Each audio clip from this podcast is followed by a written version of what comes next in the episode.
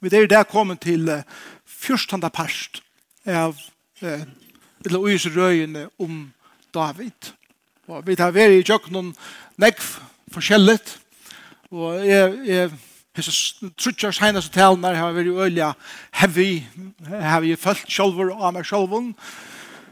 Og det er skiftet vi til og, og det er og jeg hadde der fyra, fyra taler etter, og for hitje er at løven som David nu til narskast enda noen, og noen av de tingene som David brukte resten av sin løve er gjerra. Og derfor er det også om, om Solmaner som han skriver. Og det gjør det han jo ikke bare resten av sin løve, men han gjør det alt sitt løv. Lykka fra at han var unger, var salmer en parster av det som han gjør det. Sanger og, og tonleiker. Det er en nekv større pastor av akkurat daglige enn uh, vi hugsa. Sanger og tónleikar hefur langt fyllt enn en rikvi av, av tog som vi har gjørst her til og i morgun. Uh, tar vi kvar bil, så er øyla ofta tónleikar i bakgrunnen. Tar vi færre ut i etan, en recession, så er det øyelig ofta at, at tonleiker er i bakgrunnen.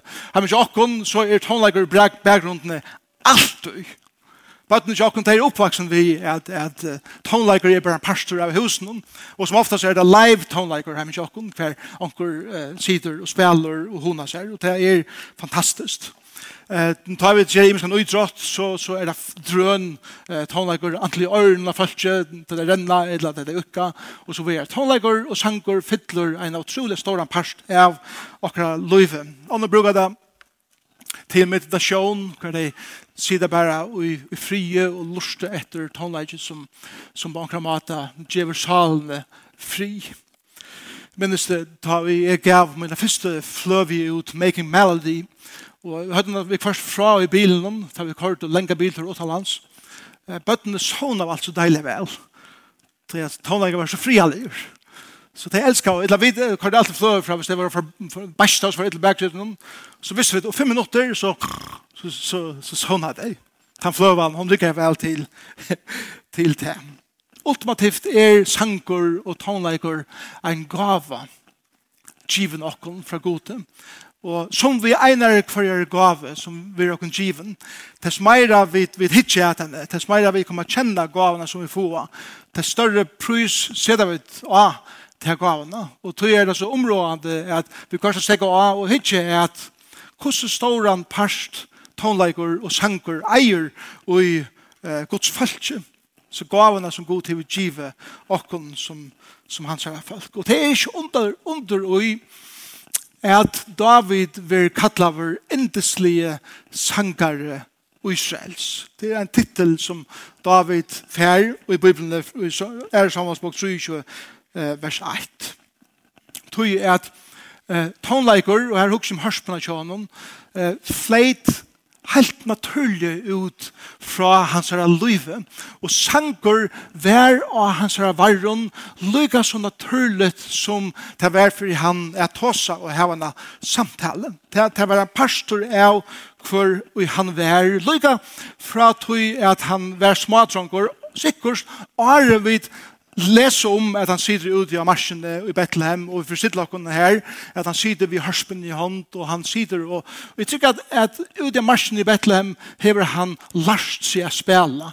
Her hever han feintuna, kan man godt si, eh, at her hekkene, teknikken til at doa, at slå av strøngene, og at eh, utvikla harmonier, selv om vi vidar søvelige, så eh, komma harmonier hvordan ikke inn och akkurat vestlenska västländska det västländska musikteori för en atana eh mjölt men David har så sitt här och han har spalt. Och ta fällt ju allan vägen genom løyve, lycka till att han som en gammal maver sitter och spelar och jeg vet ikke hvordan det såg jag David för kom men det såg så för mig att ta og han skriva psalmer Og onkel sitter han i hettle, han flutjar, onkel sitter han i Hasaden og, og, og rævor, eller leier, og onkel sitter han heima, og, og bøttene renner om han, og alt det her.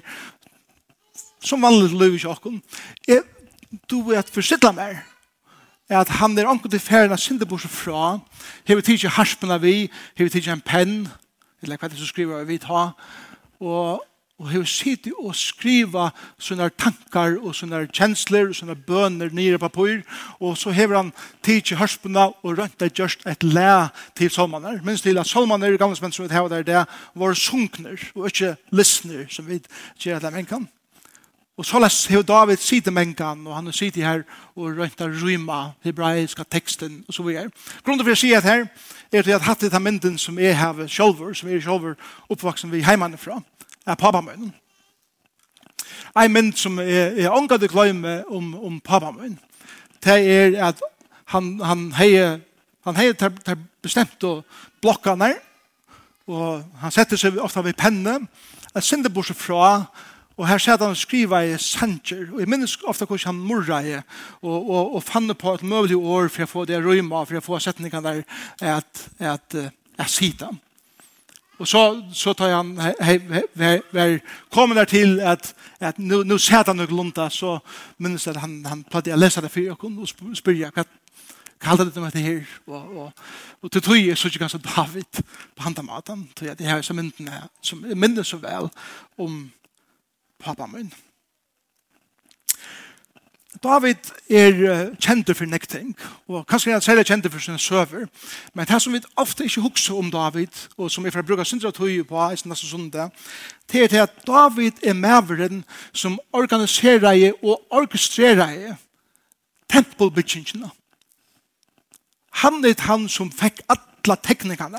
Han är han som som skipar hur templet skulle se ut och och han han organiserar alla tonlagen och alla korsangen och alla tjänarna till leviten och prästen. Allt det som Jack Fyrse och i templet som Salomon sådana hans det hej David fyrreika. Salomon skulle bara trakka inn og i nekka som langt var li og han skulle bara syrja fyrir at bytja det. David hei gjort alt hitt arbeid. Han var en utrolig organisator. Han var en utrolig arkitekt. Han var en utrolig mat. Han tog det utrolig vel at suttje helda med denne fyrir seg og seta alt organisatorisk og på plass så at det fungerer. Og ta hitje i vår tikkene som sitter her og tikkene som hittir sjarten så heva tid her gavene er eisene. Nekka det kunne utbyggven til at organisera, eller at tekna, eller at, at få ting, at fettli hakk, så at, at ting fungerar vel, ved det, og at det er arbeidsplass, eller ved det rent samfunnslitt, eller hva det så er. Og det er en pastor av tog som David gjør det, og hans løyve sammen vi gode. Og det er fantastisk. David leie eisne lundanar under salmabogene, som uh, usus menn eh, sunke ur. Og det er salmaner som heva der her i bøyfelen. Han leier lundan om, om det. Og så han det utvikles det mer til at flere, flere salmer var skriver at han David var deier og Arnt ble organiseret i linjene bok. Men David er han som leier lundan der om det til. Anker sier så som salmer og salmanar i, i, i, i gamla sementen. Men han har heller tidsi salmer. Sankur, eller salmer, er ein poetisk dialoger og i middel menneske og god setter til læ og tonar. Og til det er det her at, at, at doa at teka det som, som er føle og det som er opplever i løyven. Gjør det til, en dialog i middel med god Og så det så, så bruker vi akkurat kunstneriske evnreisen til å få det ryma, få det sita, uh, på det mulige mater, til rytmen der, ja til lærne som vi annars setter til sannsyn, og så lås uttrykja vi alt det. En høvendur sier så leis om salmaner. Salmaner er bogen her menneskesalen finner et sted er lada kjensene flåte ut. Salmaner innehalda sier sannsyn og glede råp, så vel som sorgarsanger og vånløse skrat. Salman hava sanger, her salmaskaldene, gleast om heilalega gods, og synge lovsang om tøyer, ta i løyve er av toppen Men, tar hava eisende sanger og i moll, som uttrykker sorg og synd og einsemme og i kolton, hedlon og hålen. Salmaskaldene skriva sanger om vogn og i troblon tøyen, som suttja langur enn trobleikanar bænt nu. Og sanger om vognløse ta et her ikkje suttja handan hausbrunna. Det er neivan ein menneskelig kjensla eller livsrøynd som ikkje vil uttrykt i salmenen. Og tog er det så godt at her er tog jeg lesa i jøkken salmaner og i akkurat daglige deg for at suttja hvordan Guds folk har sett år av sina livsrønder og sina kjensler i livene. Og som de vet så er det 150 salmer i gamla sement. Eh, Teir hundra og trus salmene er bytter opp i fem parster. Fyrste parsor er fra 1 til 41, neste parsor fra 42 til 42, så fra 43 til 94, fjore parsor fra 5 til salm 106, og seneste parsor fra salm 106 til salm 150. Alle disse fem seksjoner enda på samme måte, og det er som om at salmene leier alltid opp til at prysa gode, så, så de årene prysa herren, etla året halleluja, etla året amen, enda atler fem seksjoner av salmonen. Salmen er i fem parstånd, tog at ta i man studera salmen. vi får gjøre det her innenfor, innenfor for å salmen er ordentlig. Her er fem parstånd som korresponderer vi til fem mosebøkene, etter det som hebraisen heter Torah. Så salmen er i sånne fem parstånd omboa eina og eina og eina av de fem bokene som vi leser om i Moses skriva. Det er det samme som at at enda målet salmen er at læra og gjøre sang. sang Ta vi syndja, så syndja det ikke bare, men tekstene er utvalgte så leis, at tekstene lærer oss mer og mer om Gud, og om Guds folk, og akkurat liv, i forhold til Gud, og eisen til hver annan. Til enda maler vi er syndja solmer. Men så gjerne er det solmerne eisene bytter opp i tjejparster, som er fyrt hei, som vilja lesa utjøkken noen eh, solmerne hver vik, det vil si samme som ein part fyrir kvann det og i vikene, så er det nekka som er mivust. Men det er eisen bytter opp i 30 parter, fyrir det som vilja lesa lese enn for mannen. Og det er vi fyrir at det skal være avholdende. Ja, men alle tøyene er i gang til å lese salmaner. Jeg bruker det selv, og jeg mener vi vil lese at jeg er alltid i gang med salmaner, eller årtøysene, og så gjør resten av Bibelen eisen til å lese. Det er en god måte at, lese salmaner på. Hva er det enda mål vi salmonen? Et av enda målen er akkurat det som jeg har sagt, til til å lære år Guds, Torah, eller om God, lov Guds, og gjør en sang. Et annet enda mål er at finne et sted, at veita god heier. Vi gjør når en ta i ferborser fra, vi leser en salm, eller skriver en salm, så er det min løta jeg vil være ensam aller mye sted hva jeg nå sier i år og at jeg vil låsynja gode. Samgår i reisende vi tror for jeg at jeg uttrykker kjensler, livsrønder, sitte år og rønder i løyvenen, og eisende at minnast hendinger som løyve kommer her i kjøkkenen og sitte år og le til det. At enden endamal er at samla folk i einleika, og til det som vi gjør i morgen. Ta vi syndja saman i morgon, så syndja vi som år, vi samme leie, samtøyes, vanande, annars er det kaos, og vi uttrykja samme båskap i sen som gjør et uttrykk om einleikan som vi heva som sankoma. Og det brukar vi til all møvlig høve og i løyven. Og det var det som Salman reisen. Salman var brukt til brittlepp, det var brukt til gjerrfer, det var brukt til, til merskestier, det var brukt til møter og alt møvlig i eh, Israel enn i det.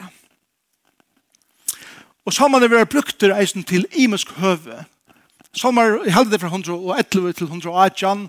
Tar salmaner er og salmar hver herren for heier, og øyla ofte vera sunkner øyla einfalt.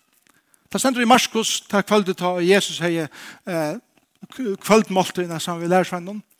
Så stender at tar sunko lovsang, kjenner det verset i Marskos, tar sunko lovsang, til vi er en av salmon mittel 111-118 som tar sunko, at her kvaldet kanskje atler tar salmaner. Salmaner. Så endamålet vi, vi salmon er, er, er øylig imest. Men det var eisen sunkner på imenska mat. Eit eitur, eh, det som vi kallar fyrir eh, resifoniskur låsanger. Skal vi se det kunne døme ur, ur salmen beinleis om det. Salmer 136. Her, her er ein, ein utsøkn, og så kommer ein, ein, ein frasa som er lyka endertidsen atlan veien til salmanar. Og det er den frasen, nøye hans er værer og i alle ræver. Og det er sanker gjør om det. Hans nøye værer og i ræver. Det er beinleis fra Salmi 136. Så det betyr at da presteren står framme for fjöldina, så sier han til, til første årene i Salmi 136, Tatsi herran om, du han er gåvor, og så sverar vi alt. hans nøye verer og i ræver. Jeg tenker ikke akkurat det her leie, men altså. Og så sier han, neste verset, «Tatsi gode godana, hans nage verer og jæver, sverre chatter. Og så sier presten atter, «Tatsi harra harrana, Han snaje verer og jæver». Honom hin einasta som gjer under, Han snaje verer og jæver. Så var det alle veien og kjøkken eh, sommaren. Så at det var et, et spel i middelen, han som lette sangen og de som våre en pastor av sannsjonen. Anna enn bare at, at akkurat som et synge saman alle tøyene. Til det som vi kallar for resifonisker eh, lovsanger, så er det noe som vi kallar for antifonisker lovsanger. Nå viser det et, et, et døme om det eisene fra salme 1 og trus. Så nå er det fyrir jakken at, at eh, kårene i tempelen som var veldig stor kår, de var bytt ut tvær parster, så vi, vi kunne skåre eh, hese røyene eh, av stålen i helt, og ein helt av hesen hørte til tikkun, og hin helten hørte nian etter. Og folk vendte seg her så måte en øren, og for å synge til hver annan. Så som en trus, her stender, og la oss si at tid til de som hadde røpt, God, høyr, råp mot, og nå svære henne etter, lursta etter bøn mine. Og så sier henne etter, fra enda gjerne råp jeg til tøyn, mian hjersta mot ømskast. Så svære henne etter, leime til kletten som er hagre enn er. Og så er det skonker, hans solmer, alle veien i jøkken, at de råpa til hver annan, så er det at, at, at de opplever kraften i at sangur er ikke bare noe som du synger ut, men sangur er eisende en dialoger for vi innenfor kunne øren uttrykja det som ligger i okkara hjersten. Så tid, vi er nekk for lyd kreativ. Vi har mist nega av det kreativa og i måten om at uttrykja solmar og sanger på. Og trobladjen tja nekk for noen kristne er, er til at ta i man byrja mister vi en rikve av ödlun tog, tog kreativa og djupa som uh, Guds folk og gamle som han til høtt. Til at så kjøtt som vi gjør okkur som er synd vi syner av, så er det akkur som Og vi hørte han her ålen sa at, at, at vi må få en nødjan hukkbord til hvordan vi er som mennesker og hvordan vi uttrykker oss i, i samkommende. Så ikke bare i hver skrev ikke ja, knappt noen dag før jeg finner på et eller annet. Vi antifonskom korsans. Og hvis det grenner så sier jeg bare, det blir best. Det gjør det gammel som heter. Så jeg bare fyrer ikke det kun spekler til det. Nå, jeg må ansette meg at jeg kan bli via til oss med det her, at det er så størst hjertemål som er at, at vi, vi færre inn for å ha en ordentlig rød om etter. Men la oss nå færre til Salmanar og David. Til minst til Eins og sanger vil jeg skrive i det, av, av eh, sangskriveren, så reflekterer der alt i livet og løyvsomstøvner og tar kjensler som kommer vi akkurat løyvsomstøvn setter i år og setter til le. Det gjør David eisen. Vi skal bare vise dere, jeg vet at vi langt ved i kjøkken, jeg var søvn til David, er at tess meira til vita om livet til David, og hver han vær, ta og han skriva i hese imiske salmaner, så ble salmaner så utrolig nek rykare fyrir jokken.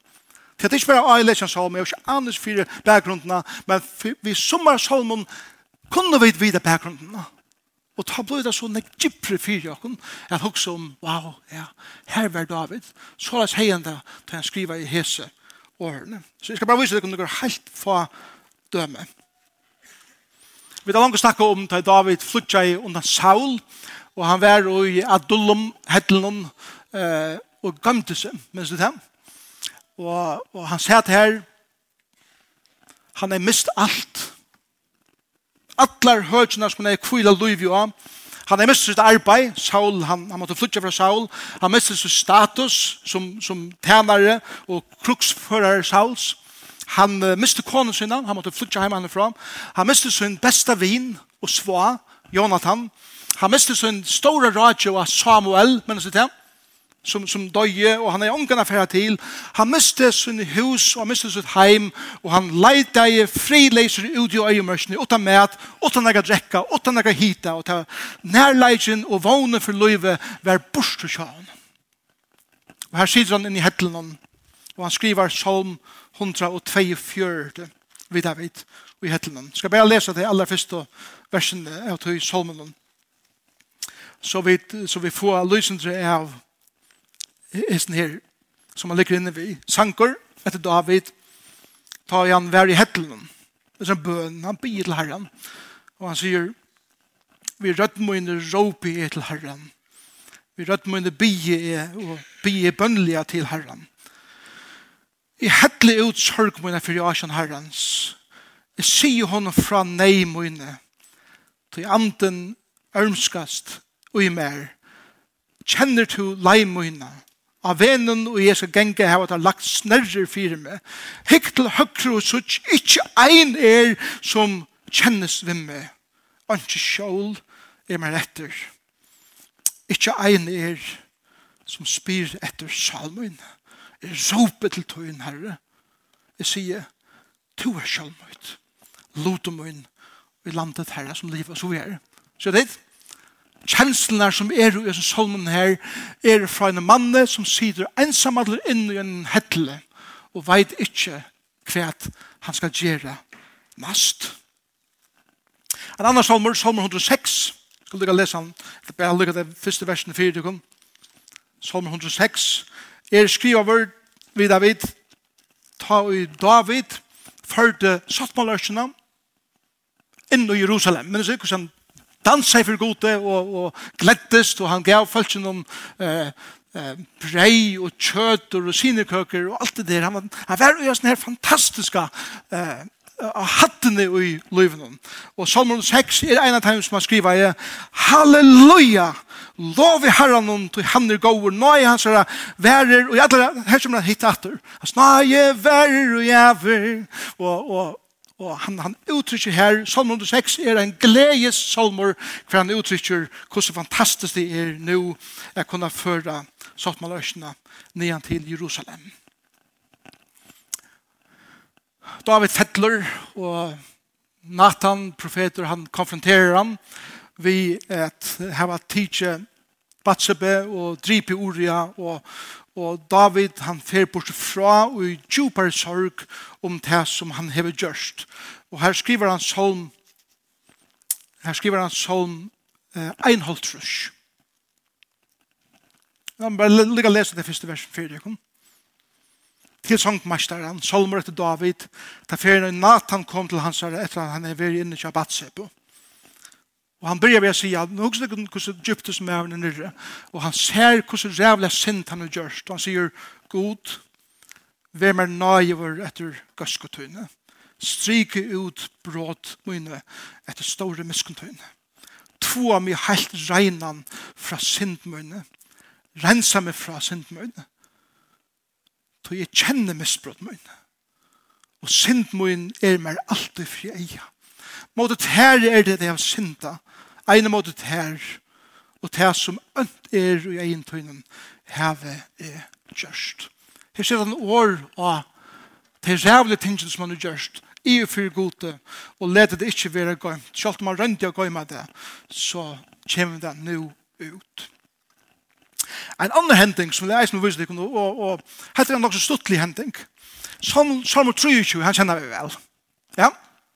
Salmer 23, Her er en frasa, en liten rekla, som, som det var så leis. To barreier fyrir mer, beint fyrir eion fudgjendamøyna. Det kjenner vi vel, ja. Og, og som jeg har lyst i jøkkenen, Løyvis og David, så har vi ofte hukk som, bjørn Salmer 23 er en salmer heldige som David skriver til han blir en synder eldre. Og han hikker etter av løyve, og hikker at imenskun hendingen av løyven ikke har Flere hendinger. Og her er det hendet frasen, «Tu bordrei fyrir mer, beint fyrir eion futjunda møyna». Så Anders Samuels bok, Seitjan, la meg lese til versen 4, kom. Det er deilig for oss en løyve her, og hun sier Amen. Salmer, nei, uh, Anders Samuels bok, kapittel Seitjan. Anders Samuels bok, kapittel Seitjan, er tar kapitlene som vi tar veri i sørste vikene, hver han flytjar undan Absalom, som nekna sånn. Atter er han en maver som har flytja. Han har han flytja under Saul, og nå får han ut i så mye øyemørsene som han flytja under Saul. Nå er det undan som nekna sånn, tog at Løyvik han sender i voa. Så, så hukser det her flytjendar som leiter etter David, David røyner og gøyma seg, nå en dag, medan David flytjar, så kom han nekker som kjenner David, som, var, som han er alit av, og legg, legg meg til hva hender. Hette andre samarbeidsbok, kapittel 16, vers 28 og 29. Jeg skal bare lese det fyrir. Teir, altså til teir som kommer nå til David, hans er menn, teir kommer vi søntjen, føtten, og leir og iløtun, og kveite, bygg, mjøl, bægakotten, bønner, linser, honeng, Roma, smafa og ostar av neidekjøte høyde teir Davide og følge hans her til føje. Så der hoksa var følge er vår svakt, svengt, post og tist. Ja, i mørkene. Så det? Mitt ut i øyemørkene, med David flutjer, kommer noen menn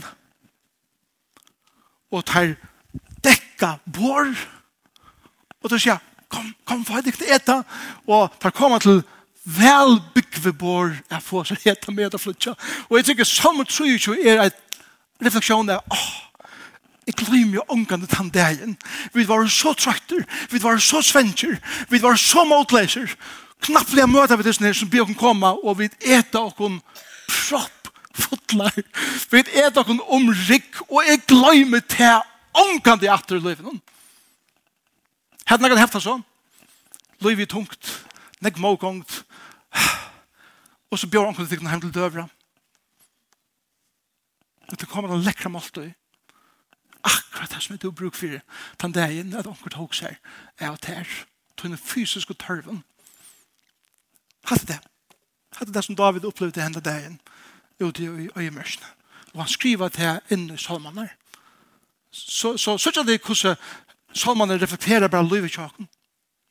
Og tog er det så for viktig for åkken at lese salmanen av hendene hatten at det skriver av mennesken som færre kjøkken den veler hendinger i livet som sitter år av det og bruker tog at sitter år av sin tekst eller sine kjensler i teksten.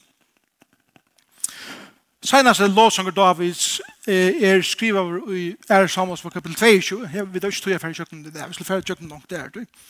Men Salmer 22 er hans sørste salmer. Han er blevet en eldre maver nu. Jeg skal bare gjøre deg noen iverskrifter om denne salmen. Og det som du sier vi tog er, ta og jeg maver eller kvinna er blevet en eldre. David han er kommet opp i trusjene nu. Da han er kommet opp i trusjene, trykker vi hjem. Her man finner en grunnleggende godfrøye om Hvordan jeg har opplevd god og kjøkken mot liv. Og ta jeg sitte i år og mine hoksaner om god, så er det grunn til at her røntner løyvene, og hette er det som er kommet til, hvor god er i mine løyv.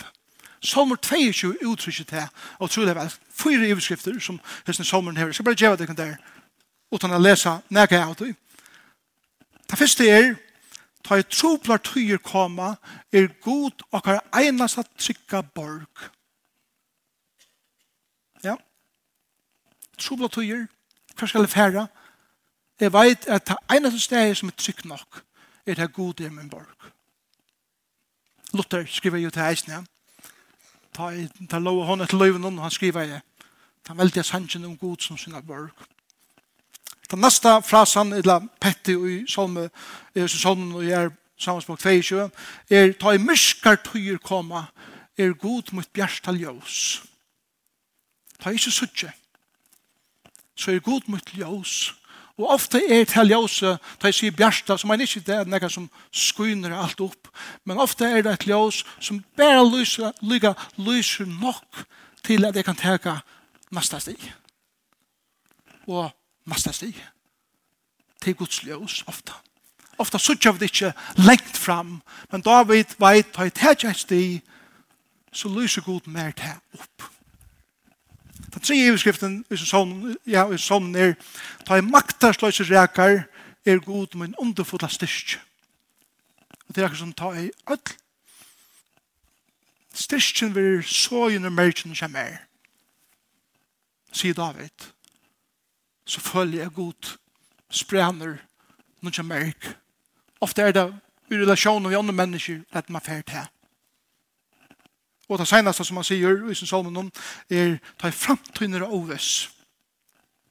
Så er god med dyra bæreste vogn. Hatt det vært god frøyen til David.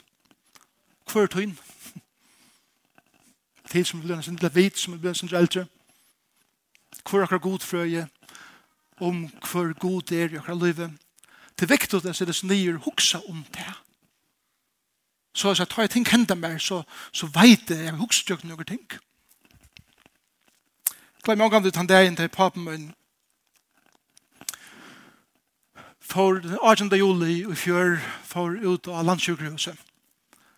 Og han satt her i, i, i skiasånen, eller byrummet i skiasånen, en luttla rom her i forhånden her.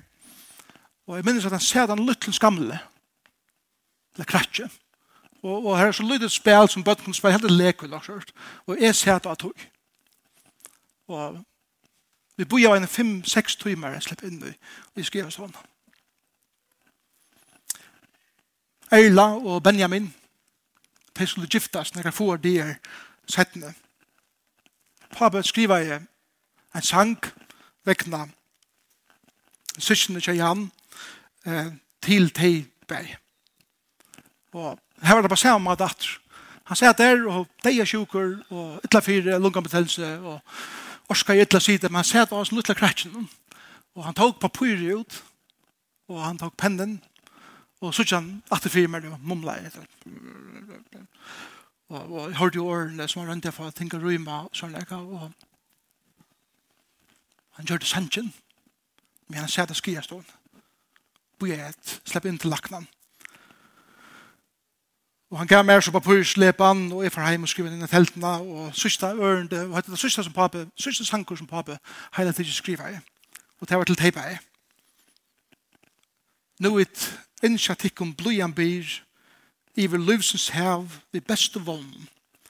Herren fører til en framma lei, fyllt vidt sikv, og karlagsfotlom tånden.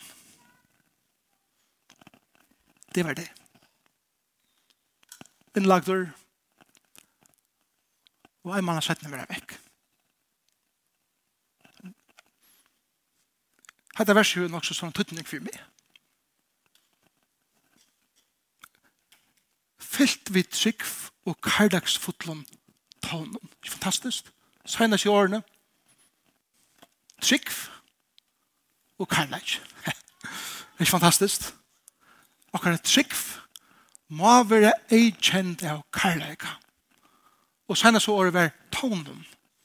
Lad dere synge akkurat trygg. Lad dere synge når vi karlægs tonen, så har jeg sett mennesker være drien til Jesus. Så la meg enda. Og bare sier, har du ringt ved sitt åra? Tunne løse erfaringer, tunne kjensler. Så man er et av beste steg jeg færer til å finne årene til dess. Jeg sitt åra. Har du ringt ved bia? Ja Salman er et av beste steg jeg færre til å bare uttrykke bønner og i de årene til Salman er reisende bønner som vera sunkner. Og så skal jeg enda ved hæsson, og så skal jeg leie oss inn, inn i brevbransjene. Et år som kommer fyrir atter og atter i Salmanon er året Sela. Da kjenner de dem. Da vi leser Salmanon så leser vi Sela. Men Sela skal ikke lesast. Det er en generalpausa. Det betyr at og minst til, til sunnje av jødene, det er sunnje, og så tar det sunnje sela, så er det bare et tegn om at nå er generalpausa, nå er frier. Nå sier han ikke nekka. Og tannløtene frie her hever i minsk endamål. Et av endamålene er at du stekker av og til pura frier